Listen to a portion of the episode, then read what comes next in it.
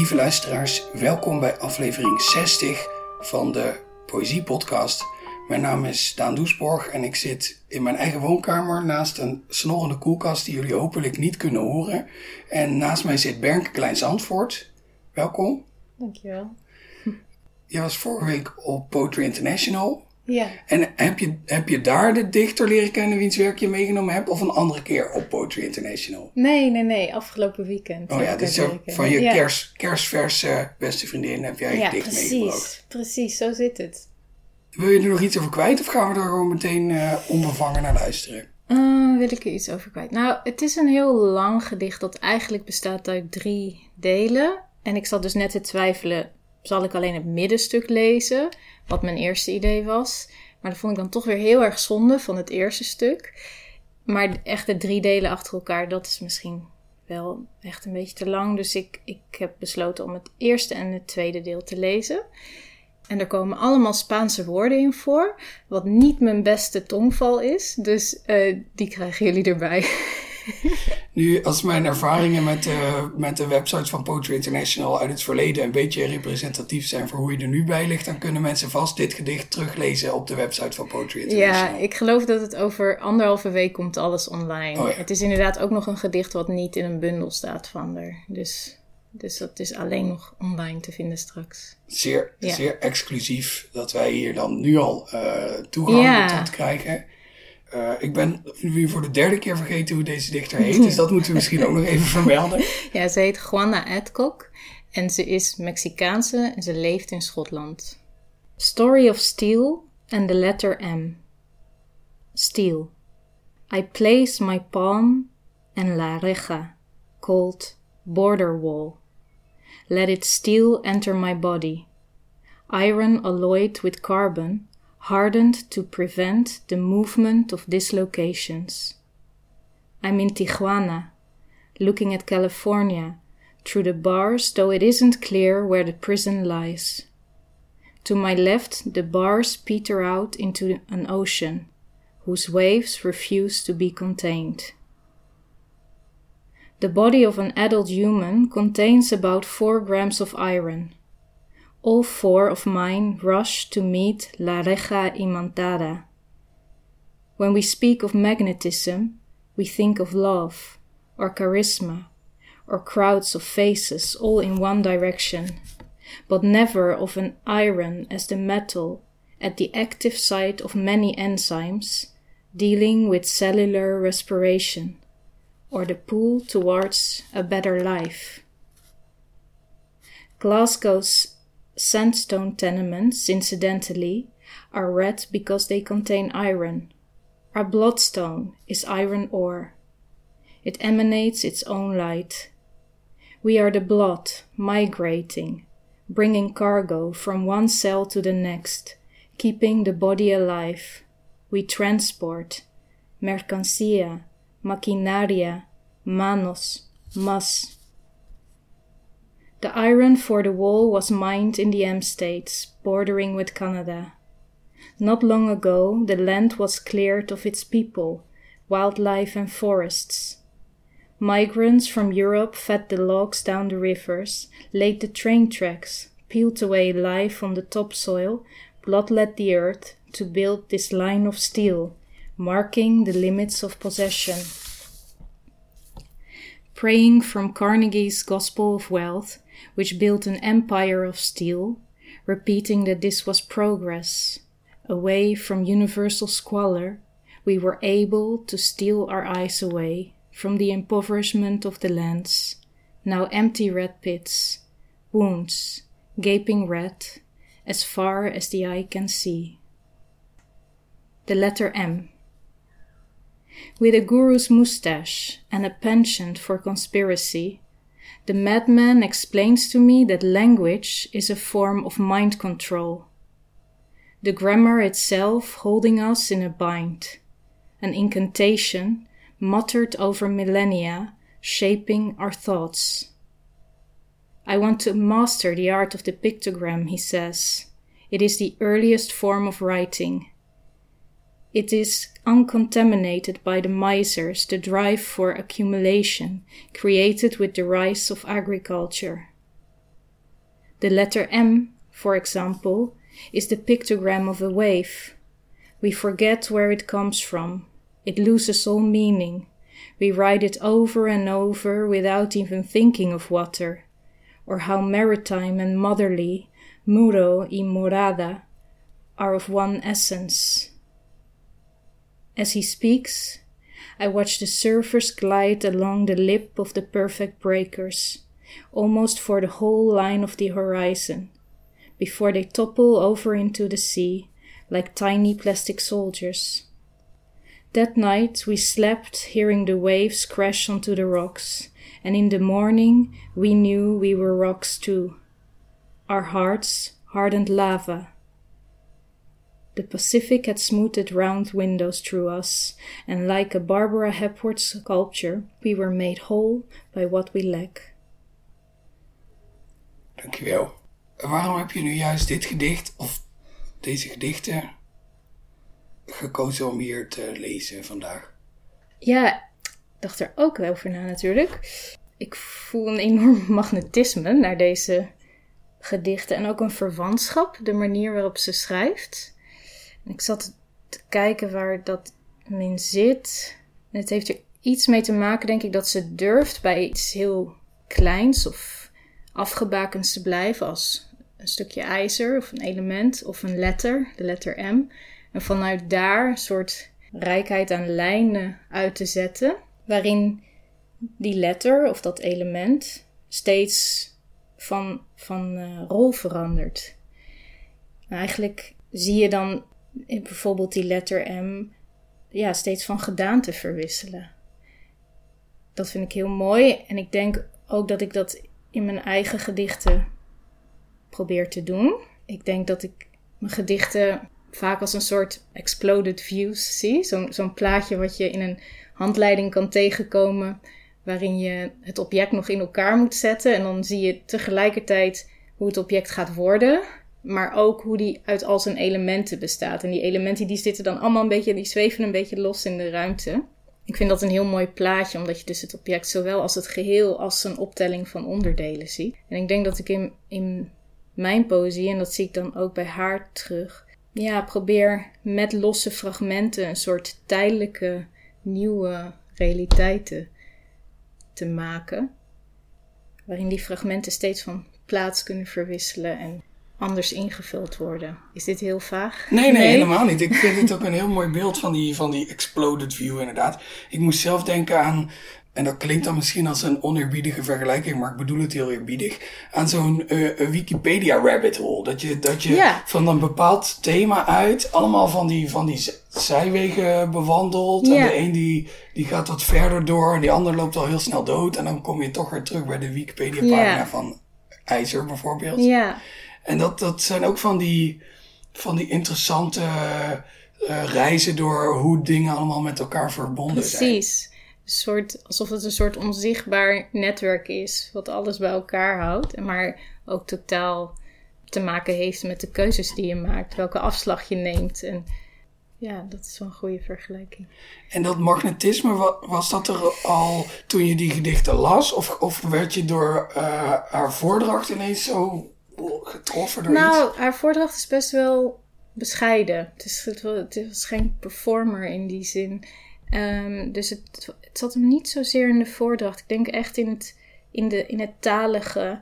En toen ik de gedichten ook zelf ging nalezen, dan, dan ja, dat is het meestal zo als je gaat lezen, zie je nog meer verbanden tussen de, tussen de woorden, de keuzes die ze heeft gemaakt. Uh, voor de dubbele betekenissen of voor iets wat bijvoorbeeld, uh, ze zegt, het gaat dus in het eerste gedeelte over stiel, maar dan heeft ze het ook over we were able to steal our eyes away. En dan dat soort dingen, dat, dat hoor je eerst niet. Dat, dus het was meer vanuit het lezen dat ik er echt heel erg toe aangetrokken werd. Die subtiele toename van de letter M in dat tweede gedicht is er misschien ook een voorbeeld van. Ja, precies. Ja, en ook in het, in het eerste gedicht noemt ze de letter M al als de alle staten die grenzen aan Canada, de Verenigde Staten en Canada. Er zijn een aantal staten, Michigan en nou ja, nog een paar, die allemaal met de letter M beginnen en waar uh, die ijzererts dan uh, vandaan wordt gehaald. Dus daar, daar valt hij al even om vervolgens in het volgende gedicht een heel andere gedaante te krijgen, namelijk als, als uh, de letter die gebaseerd zou zijn op het teken van een golf. Het idee van hoe is het om, om die golf of die letter als pictogram te zien en hoe is het om die letter als iets taligs te leren kennen. Um, en dan ja, gaat ze verder op, op het zijn bij het strand, bij de, bij de golven, bij die grensmuur in Mexico, waar, die in het water eigenlijk verder loopt. En, maar dan ben ik dan toch wel nieuwsgierig naar wat, wat gebeurt er dan in dat derde deel? Waar, zeg maar, ja. Die progressie is heel duidelijk, maar uh, kan. In het derde deel gaat het over asfalt. dus het is ook, uh, het blijft of het begint bij iets, iets heel tastbaars van oké, hier zijn we, hier gaat het over. En dan gaat het over het vergelijk van asfalt. Bij die, eigenlijk die dunne scheidslijn tussen die twee landen. En dat het asfalt daar gelijk verandert.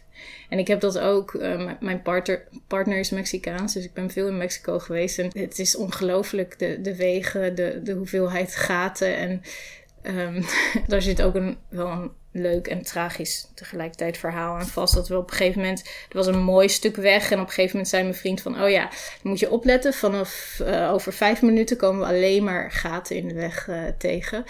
En uh, dat was ook zo echt van het een op het andere moment waren er allemaal hele grote gaten waar als je daarin zou klappen, dat is echt niet goed voor je bumper. En dat, dan bleek dus dat twee kilometer verderop was een garage die heel groot promoten van laat hier je bumper verstevigen en je banden vervangen. En die, die maken dus elke keer de gaten in het nieuwe asfalt. Daarom, dat, dat derde deel is ook, is ook mooi, maar een beetje veel. Ja, maar dan moeten mensen dan maar Ja, dat is dan een soort uh, cliffhanger. Op, uh, ja. op de site van Poetry International uh, lezen. Ja.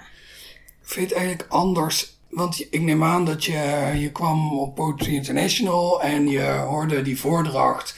En, en die, die trof jou heel erg. Althans, niet, de, niet de voordracht per se, maar, maar het gedicht zelf. Ja, ik herkende daar iets in. Dan is het natuurlijk wel heel prettig dat je op Poetry International bent als dichter ook. En dat je dan daarna die, die persoon die dat, ja. dat herkenbare iets gemaakt heeft, dat je daar dan gewoon naar, naartoe kan. Zijn jullie ook beste vrienden nu? Nou, ik nee dat aan het begin. Nee, maar... helemaal niet. Nee, niet per se. Uh, nee, maar we hebben wel goed kunnen praten. En ook, het is natuurlijk, mijn gedichten waren ook voor het eerst in het Engels beschikbaar. Dus ik kon ineens met veel meer mensen over mijn poëzie praten. Dus ik heb er ook met haar over gepraat. En, uh, maar, maar voor de rest is het niet, uh, geen, geen besties nu. Maar, maar was wel, het gevoel van herkenning wel wederzijds? Ja, dat was wel wederzijds. Dat, uh, ja, want zij kon niet bij mijn programma zijn, maar wel bij het laatste programma waar ik in, in zat. En toen hebben we het daar ook inderdaad over gehad. Over hoe dat gedicht in elkaar zat en de dingen die ik daarin deed. Um, dat, ze, dat zij zich daar dan weer in herkende. Dus dat, uh, ja. Dat is wel het leuke van zo'n, van zo'n festival ja, natuurlijk. Dat je ja. Allemaal als gelijkgestemden in zo'n soort, in zo'n soort bubbel rondloopt. En, ja. Uh, en daar... Uh, ongegeneerd kan zitten nerden over poëzie. Precies, super nerderig. Een soort, ja. soort, soort congres van ja. poëzieliefhebbers. Een beetje, ja, een beetje net naast de wereld levende mensen. ja, dat is inderdaad wel een hele goede omschrijving van onze beroepsgroep. ja. Mensen die net naast de wereld leven. ja. Maar dan toch ook wel weer heel goed in die wereld nou, op reis precies, kunnen gaan. Ja, en ook het heel goed kunnen, de pijnpunten kunnen benoemen en, en kunnen beschrijven op een manier dat we er ja, anders over nadenken of het voor het eerst misschien zelfs zien. Of, ja. Ik merk dat ik het wel, omdat er, omdat er zoveel in zit. En ik, ik snap wat je zegt als je zegt van ja, je, je moet het eigenlijk ook lezen, omdat, om, omdat je dan pas alles er echt uit kan, uh, kan halen. Ja, die, het is een soort van innerlijke verweving die erin zit, die je volgens mij met luisteren in ieder geval, dan moet je het een paar keer horen. En dan, tenminste, dat was mijn ervaring, dat ik er een, na een paar keer hetzelfde gedicht te horen, oh, wacht eens even, hier loopt een soort draad doorheen die ik nu pas kan begrijpen. Um, maar ik denk dat dat helemaal niet erg is, dat dat ook heel fijn is aan poëzie, dat je ergens door aangetrokken wordt en het dan er dieper in kan gaan als je het gaat lezen. Dat dat ook een hele mooie ervaring is van lezen eigenlijk. Ja, de, de aantrekkelijkste films zijn natuurlijk ook de films waarbij Waar je als je nog nog een keer keer- kijkt, ja. ook hele nieuwe dingen ziet. Of misschien zelfs een hele nieuwe film. Ja, en ik, ik hou zelf gewoon heel erg van veelheid. Want ik denk, ik vind de werkelijkheid of werkelijkheid gewoon heel erg overdonderend veel. Dus ik, ik ben meestal aangetrokken tot gedichten waar echt van alles op elkaar gestapeld wordt. En, en eh, ik mijn weg echt moet vinden. En mijn ingang ook een beetje bijna erin moet werken. Dus, en ik krijg dat ook wel eens terug over mijn eigen poëzie. Dat mensen zeggen, ja, we kunnen er of kan er maar eentje lezen per keer of zo. Dan denk ik, ai, ai, was niet de bedoeling. Maar dat, eh, ja, dat, ik snap dat wel ergens. Dat, eh, Een soort heel machtig dessert waar je wel intens van geniet. Maar Ja. dat je ook denkt van, oh, maar nu heb ik het op. Nou is het ook wel even klaar. Ja, nu is het klaar. Dat, eh, ja, dat, dat, ont- dat ontstaat dan, dan zo. Dat, daar kan ik niet zoveel eh, aan doen eigenlijk. We hoeven van jou niet gauw eh haiku's over een Nee. verstild moment aan een rimpeloze vijver eh, Nee, nee, absoluut niet. Mijn, mijn redactrice zegt ook altijd: Zullen we het gedicht in tweeën hakken? Zullen we het hier stoppen? Dacht ik: Wat? We amputeren het daarmee. Dit hele deel is super belangrijk. maar eh, nee, ik kan dus niet eh, bij eh, vier regels blijven. Dat zit dan misschien ook wel in deze trilogie toch? Want het zijn drie gedichten die dan, nou ja, die laatste heb ik dan niet gehoord, maar waar inderdaad wel wat samenhang tussen aan te wijzen is, maar wat ook prima drie op zichzelf staande gedichten zouden Prima, zijn. ja, dat, dat is ook zo. En dat vind ik er ook mooi aan. Dat je ze ook weer als de onderdelen van iets groters kan zien. En ze bestaan zelf ook weer allemaal uit een soort micro-onderdelen. Ehm, ja, dat vind ik er ook fijn aan. Zou je het nog een keer willen lezen voor ons? Ja. Story of Steel and the letter M. I placed my palm and la reja, called border wall. Let its steel enter my body. Iron alloyed with carbon, hardened to prevent the movement of dislocations. I'm in Tijuana, looking at California through the bars, though it isn't clear where the prison lies. To my left, the bars peter out into an ocean whose waves refuse to be contained. The body of an adult human contains about 4 grams of iron. All four of mine rush to meet La Reja Imantada. When we speak of magnetism, we think of love, or charisma, or crowds of faces all in one direction but never of iron as the metal at the active site of many enzymes dealing with cellular respiration or the pull towards a better life. Glasgow's sandstone tenements, incidentally, are red because they contain iron. Our bloodstone is iron ore. It emanates its own light. We are the blood, migrating, bringing cargo from one cell to the next, keeping the body alive. We transport mercancía, maquinaria, manos, mas. The iron for the wall was mined in the M states, bordering with Canada. Not long ago, the land was cleared of its people, wildlife, and forests. Migrants from Europe fed the logs down the rivers, laid the train tracks, peeled away life on the topsoil, bloodlet the earth to build this line of steel, marking the limits of possession.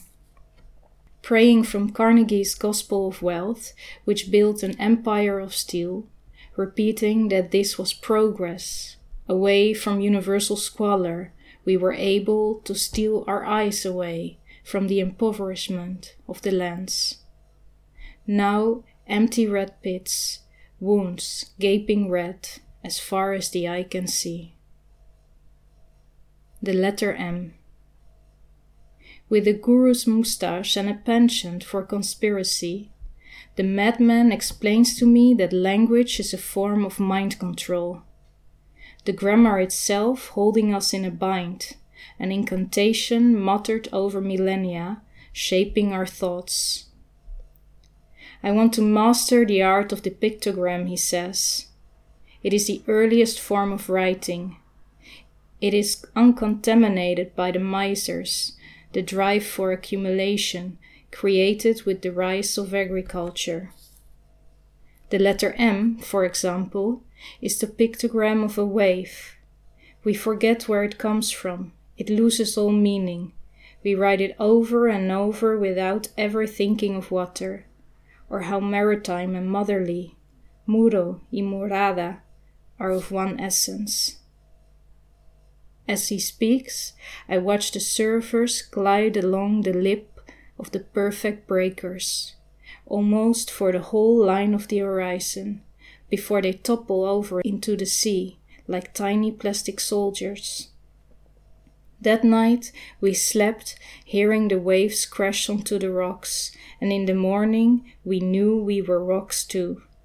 Our hearts hardened lava. The Pacific had smoothed round windows through us, and like a Barbara Hepworth sculpture, we were made whole by what we lack. Dankjewel. En nu hebben wij ook allebei ons eigen exemplaar van jouw nieuwste bundel Veldwerk op tafel liggen. En uh, daar heb je ook een gedicht uitgekozen. Of is het een gedicht dat niet in Veldwerk staat? Ja, ja, nee, zeker. Uh, het is in Veldwerk. Ik dacht, dan kies ik een kortere van mezelf. Omdat we zo lang al geluisterd hebben. Bloesemplak, pagina 10. Ik moest even zoeken op de, op de, op de uh, atypische inhoudsopgave die het boek de heeft. zeer overzichtelijke inhoudsopgave. Uh, voor de luisteraars die veldwerk nog niet in een kast hebben staan. Nou ja, eigenlijk net zoals wat je net uh, beschreef over de, de, de drang om zoveel mogelijk dingen bij elkaar te rapen. Ik vind dit wel een representatie daarvan, want alle gedichten en de corresponderende paginanummers staan kriskras over twee uh, bladzijden uitgestrooid. En uh, je moet zelf maar zoeken naar het, uh, naar het verband uh, tussen. Denk er zit wel een volgorde in hoor. Je kan ze in principe nog van links naar rechts lezen, maar. Eigenlijk ja. gewoon een hele praktische inhoudsopgave. Er zit nog iets praktisch aan. Het is een soort uitkomst van bemiddelen van, met mijn redactrice. Je wou het liever echt helemaal Ja, ik wou eigenlijk wel helemaal. Inderdaad, dat je gewoon puur op woord dingen. Het zijn voor mij ook de vondsten eigenlijk van het veldwerk. Bijna als een soort een soort, ja, een soort kaart van waar je kan kiezen waar je naartoe wil gaan. Dus ik vond, en, en voor mij zijn al die vondsten ook even belangrijk. Het is, het is, ik heb ook bij bijna alle gedichten één woord gekozen. En meestal is het een object of iets wat ik tot object heb gemaakt. En die gelijkwaardigheid ertussen is heel belangrijk. En daarmee zouden ze ook heel inwisselbaar op andere plekken kunnen staan. Maar goed, je kan ze dus eigenlijk nog gewoon volgen. Ja. Bloesemplak. Dit is wat ik vandaag tegenkwam.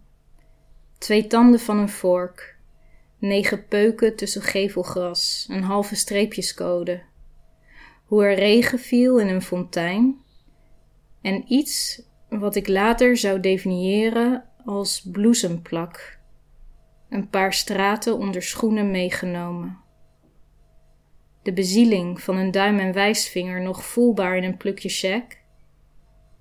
Een nieuwe woonwijk als een opkomend melkgebit uit het zand. Een leeggelopen acht. Of het teken voor oneindig. Fragmenten van levens bracht ik samen in mijn tas. Op de weg naar het hiernamaals werden in graven kleine schoffels gevonden. Een kam een bouwplaat van een gezicht om het bij aankomst uit te deuken. In dit leven schoon ik elke dag gezichten tot emoticons. Stuur mijn vragen door de negen magen van Google. Leer dat er gebouwen zijn ontworpen naar de ruïne die ze zullen worden. Dat ontdekken eerst je hoed afnemen was stop ik dingen in woorden, te kleine tassen. Dankjewel. Um, behalve omdat het kort is, waarom mag je dit gedicht bespreken hier? Dat zit hem een, beetje in de laatste regel. Stop ik dingen in woorden, de kleine tassen. en, en omdat ik, ik, ik natuurlijk wist dat ik Juana Adcock ging voorlezen. En wat ik ook heel mooi vind aan haar poëzie, is dat de taal zich heel erg bewust is van zichzelf. Dus ze, ze heeft het vaak ook over taal als medium en wat, ja, hoe we met taal de werkelijkheid eigenlijk ehm, indelen misschien. En ik, ik vind dat heel mooi als, als een medium zich bewust is van zichzelf. Ook in andere kunstvormen vind ik dat heel mooi. Uh, en het is ook iets waar ik zelf veel over nadenk. Hoe we zelf uh, eigenlijk met de instrumenten die we hebben, de werkelijkheid scheppen. Dus de instrumenten die we zelf hebben in ons lichaam, zeg maar, de, de zintuigen. Uh, maar ook de instrumenten die we hebben gemaakt. Dus objecten, allerlei soorten objecten. En taal als een heel groot instrument. Ja, en hoe die, hoe die eigenlijk. Ja, ik, ik vraag me gewoon heel erg af of die onze beleving van de werkelijkheid de hele tijd maken, scheppen. En, en dat, um, daar probeerde ik in dit gedicht iets, iets uh, mee te doen. Door ja, eigenlijk e-, eerst heel lokaal en, en tastbaar te beginnen met alle dingen die ik op een dag was tegengekomen. Alsof ik dat zomaar in mijn tas zou kunnen meenemen en met me meedraag. En die tas dan eigenlijk ook te vergelijken met, met woorden. De tassen waar we dingen in, de, de, onze beleving steeds instoppen. Ik vind dat wel een heel aantrekkelijk beeld, inderdaad. Dat je dingen ook in je tas kan stoppen door erover te schrijven. Ja. Ik ben dus opgegroeid aan de Maas. En als ik dan naar de Maas toe ging met eh, mijn ouders bijvoorbeeld, dan kwam ik altijd thuis met mijn zakken vol met stenen. Die had ik mm. dan om een bepaalde reden interessant genoeg gevonden om mee te nemen. Eh, maar eigenlijk ben je als schrijver natuurlijk ook de hele tijd dat aan doen. Je vindt ergens een mooie steen en je denkt, zo, die neem ik mee, daar kan ik nog wat mee. Ja, maar ik denk ook dat we dat, ook alle niet-schrijvers dat op een bepaalde manier doen. Ik bedoel, wij, wij maken er vervolgens een sculptuur van, bij wijze van spreken. Maar taal is, is het, het ons meest gebruikte materiaal. Dus we, we hebben alleen maar die, die soort van containers om elkaar te bereiken, om te communiceren. Of niet alleen maar, maar het is een hele belangrijke container. Um, en onze ervaring van in de wereld zijn en, en in ons lichaam zijn en in een hoofd zijn. Dus het is, het is inderdaad als schrijver dat je die stenen meeneemt die, en, en, en je tassen goed vult de hele tijd en, en daarna probeert te bewerken of zo. Maar ik denk ook dat we dat allemaal, dat we daar allemaal mee zitten. Op een goede en een, en een, een manier en op een manier die ons tegenwerkt ook. Ja, dat denk ik ook. Ja, ik bedoel misschien dat je het inderdaad, doordat je er als schrijver iets mee, mee maakt, dat het ook uh, concreter blijft. Terwijl het tegelijk natuurlijk zo niet concreet als de pest is. Ja. Want het, het, een, het woord steen opschrijven is niet hetzelfde als een steen vasthouden. Nee. Maar wat bedoel je dan dat het concreter? Ja, de, dat je, je ziet iets of je maakt iets mee en vervolgens maak je daar een tekst van. Dat is, dat is een concreter iets dan alleen een herinnering. Ja, ja, ja zeker. Je, je, ja, je, je maakt er iets, iets vastigs van voor, voor een moment. Het bestaat dan in tekst. Maar ja, bestaat het werkelijk in tekst of bestaat het daarbuiten? Dat is natuurlijk altijd het ding. Het is alleen maar de representatie ervan in een soort codering die we op een papier zet. Of... Ja, en, en dezelfde tekst is voor jou niet dezelfde tekst als voor mij. Nee. Het is natuurlijk ook heel erg, uh, ja, het is eigenlijk ook hartstikke vluchtig. Ja. En, en veranderlijk. En, uh, ja. En wat een tekst vandaag betekent, is niet wat die over honderd jaar betekent. Ja. Nee, in, in die zin, het is, het is een super vluchtig materiaal gek genoeg. Ook al in die boeken die doen alsof ze heel gewichtig zijn en, uh, en, en iets vasthouden. Maar tegelijkertijd, ja, waar is het eigenlijk? Ja, je kan misschien dan beter wel gewoon die leeggelopen ballon mee naar huis nemen. Ja. Maar ja, het heeft ook weer zo'n vergommel in huis. Ja. ja, of het gewoon blijven zeggen tegen elkaar. Leeggelopen ballon, leeggelopen ballon. En dat het dan gewoon zo... Nou ja, zo was het natuurlijk eerst waarschijnlijk ook. Ja. ja. Hoewel dat natuurlijk ook wel... Ik bedoel, als ik een woord maar ik had dit gisteren nog met iets. Oh ja, ik was een artikel aan het lezen over de Gouden Koets. Hmm. En er kwam zo vaak het woord koets in voor, dat dat woord heel abstract werd. Ja. En ik dacht wel een raar woord. Is dan sta je er ineens buiten. Ja, dan denk je, hè, wat is dit? Ja. een koets. Dat, Ja. En dat het dan ook ineens een heel ander gevoel krijgt dan je erbij had. Als je echt gewoon naar die, naar die klank gaat kijken, dan is een koets is Ja, een heel ander... zie je dan, ja, wat zou je daar dan eigenlijk bij zien, Koet? Zie je dan nog wel überhaupt wel een object? Ja, of is het alleen maar inderdaad een soort... Ik vind het ook veel gammeler ineens. Ja. Als je er echt over na Ja, gaat denken. een aan koets. het eind maakt het een beetje, uh, dat het een beetje op losse schroeven staat. Ja, een beetje zo- wiebelig. Zo'n slecht geoliede vering Ja. en zo, een koets. Maar dat is dan, dan ga je natuurlijk eh onomatopee van maken misschien. En dan denk je, oh nee, dit is niet... eh hetzelfde gouden koets, dat is een statig ding. Nou ja, dat is, eh, is natuurlijk ook aan, aan eh, erosie onderhevig. Nou, En maar goed ook. ja, Maar eh, dus dan, ja, zelfs, zelfs gewoon één woord. Mhm. En dat, dat ene woord de hele tijd herhalen, kan het alsnog veranderen. En Ja. het kan dan toch nog steeds ja. verbrokkelen in je Ja. handen. En de relatie met het ding zelf gewoon compleet verbreken. Ja, Waar ik ook aan moest denken toen ik luisterde naar eh, dit gedicht, is, is ja, door, door zo te focussen op, op, op die, die taal als materiaal bijna, om, om contact te leggen met de werkelijkheid.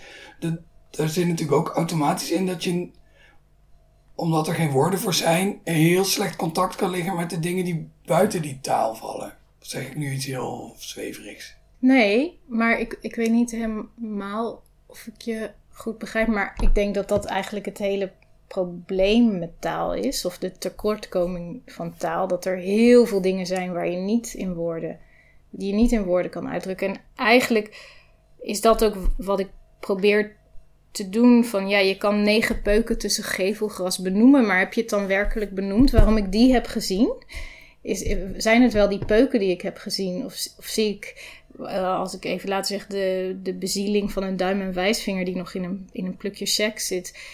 Kan je dat zien? Kan je, en kan je dat überhaupt uitdrukken? Of is dat gewoon een gewaarwording waar we niet de juiste woorden voor hebben en ook nooit zullen vinden? En, zo, en dat zijn nog hele tastbare dingen. Maar ja, er, zijn, er is van alles gaande eh, op, eh, op allerlei niveaus.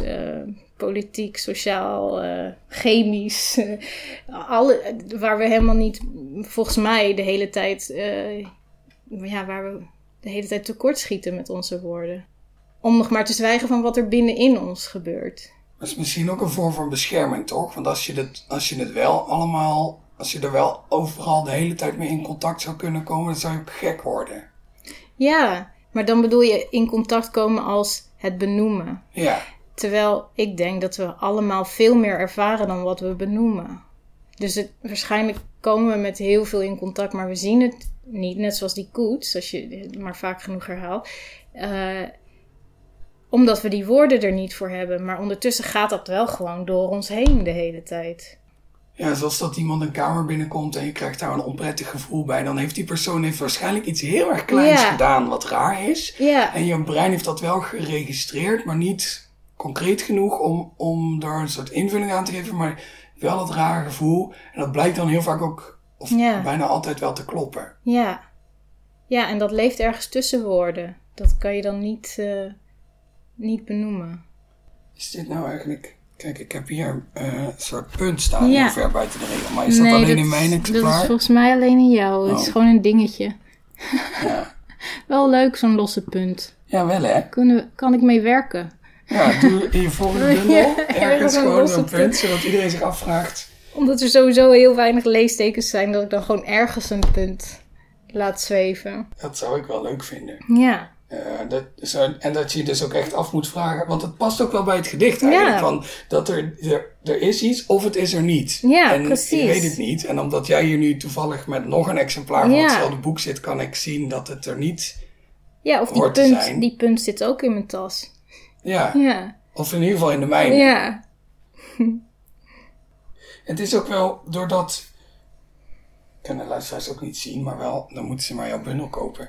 Wel, Doordat de titels eigenlijk onderaan staan bij het paginanummer in plaats van boven het gedicht, heeft het ook wel zoiets van een soort van een catalogus. ja. Dat heb je vast niet per ongeluk. Nee, zeker niet. Ik heb ze ook eigenlijk als een soort index of een soort kaartenbak willen gebruiken. Ik, ik, kan, ik kan niet zo goed werken met titels. Eh, dat was in de vorige bundel ook, heb ik ook geen titels gebruikt.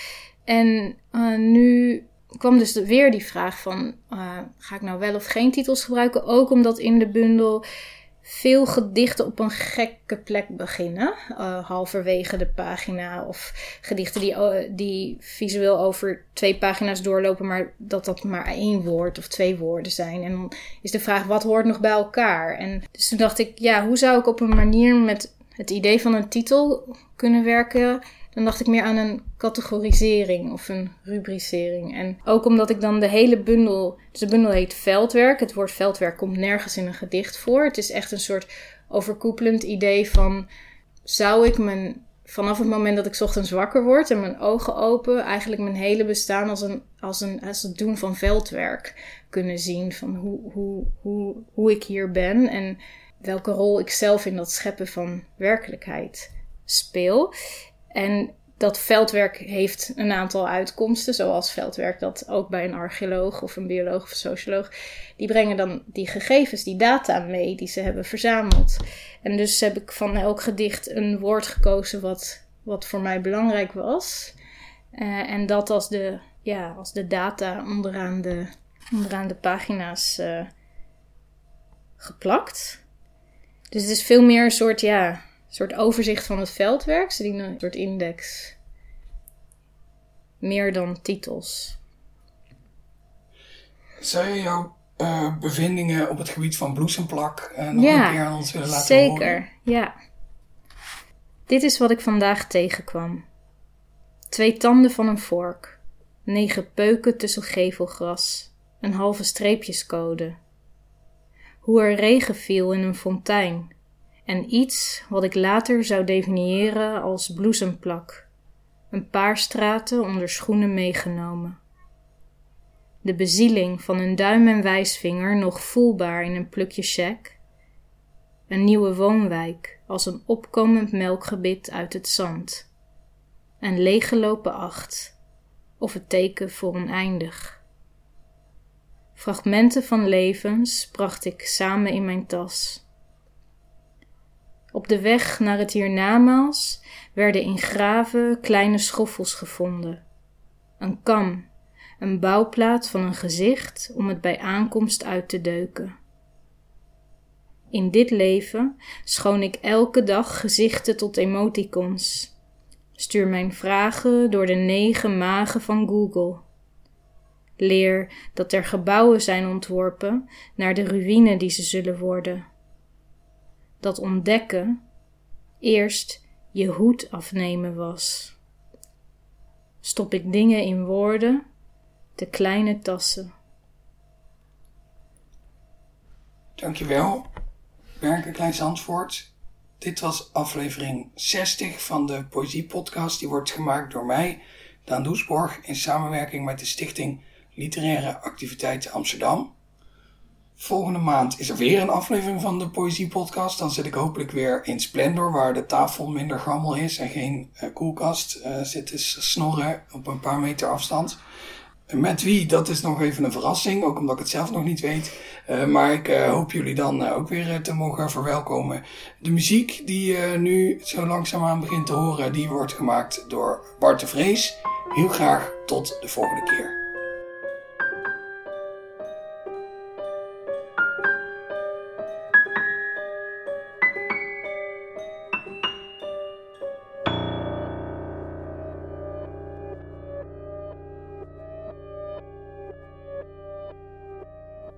Je luisterde naar een aflevering van de Poëzie Podcast.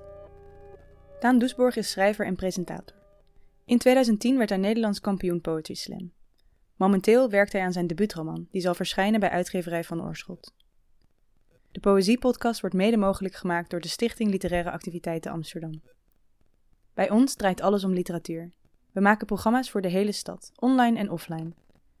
Al onze podcasts zijn ook te beluisteren via onze website www.sla.nl slaakast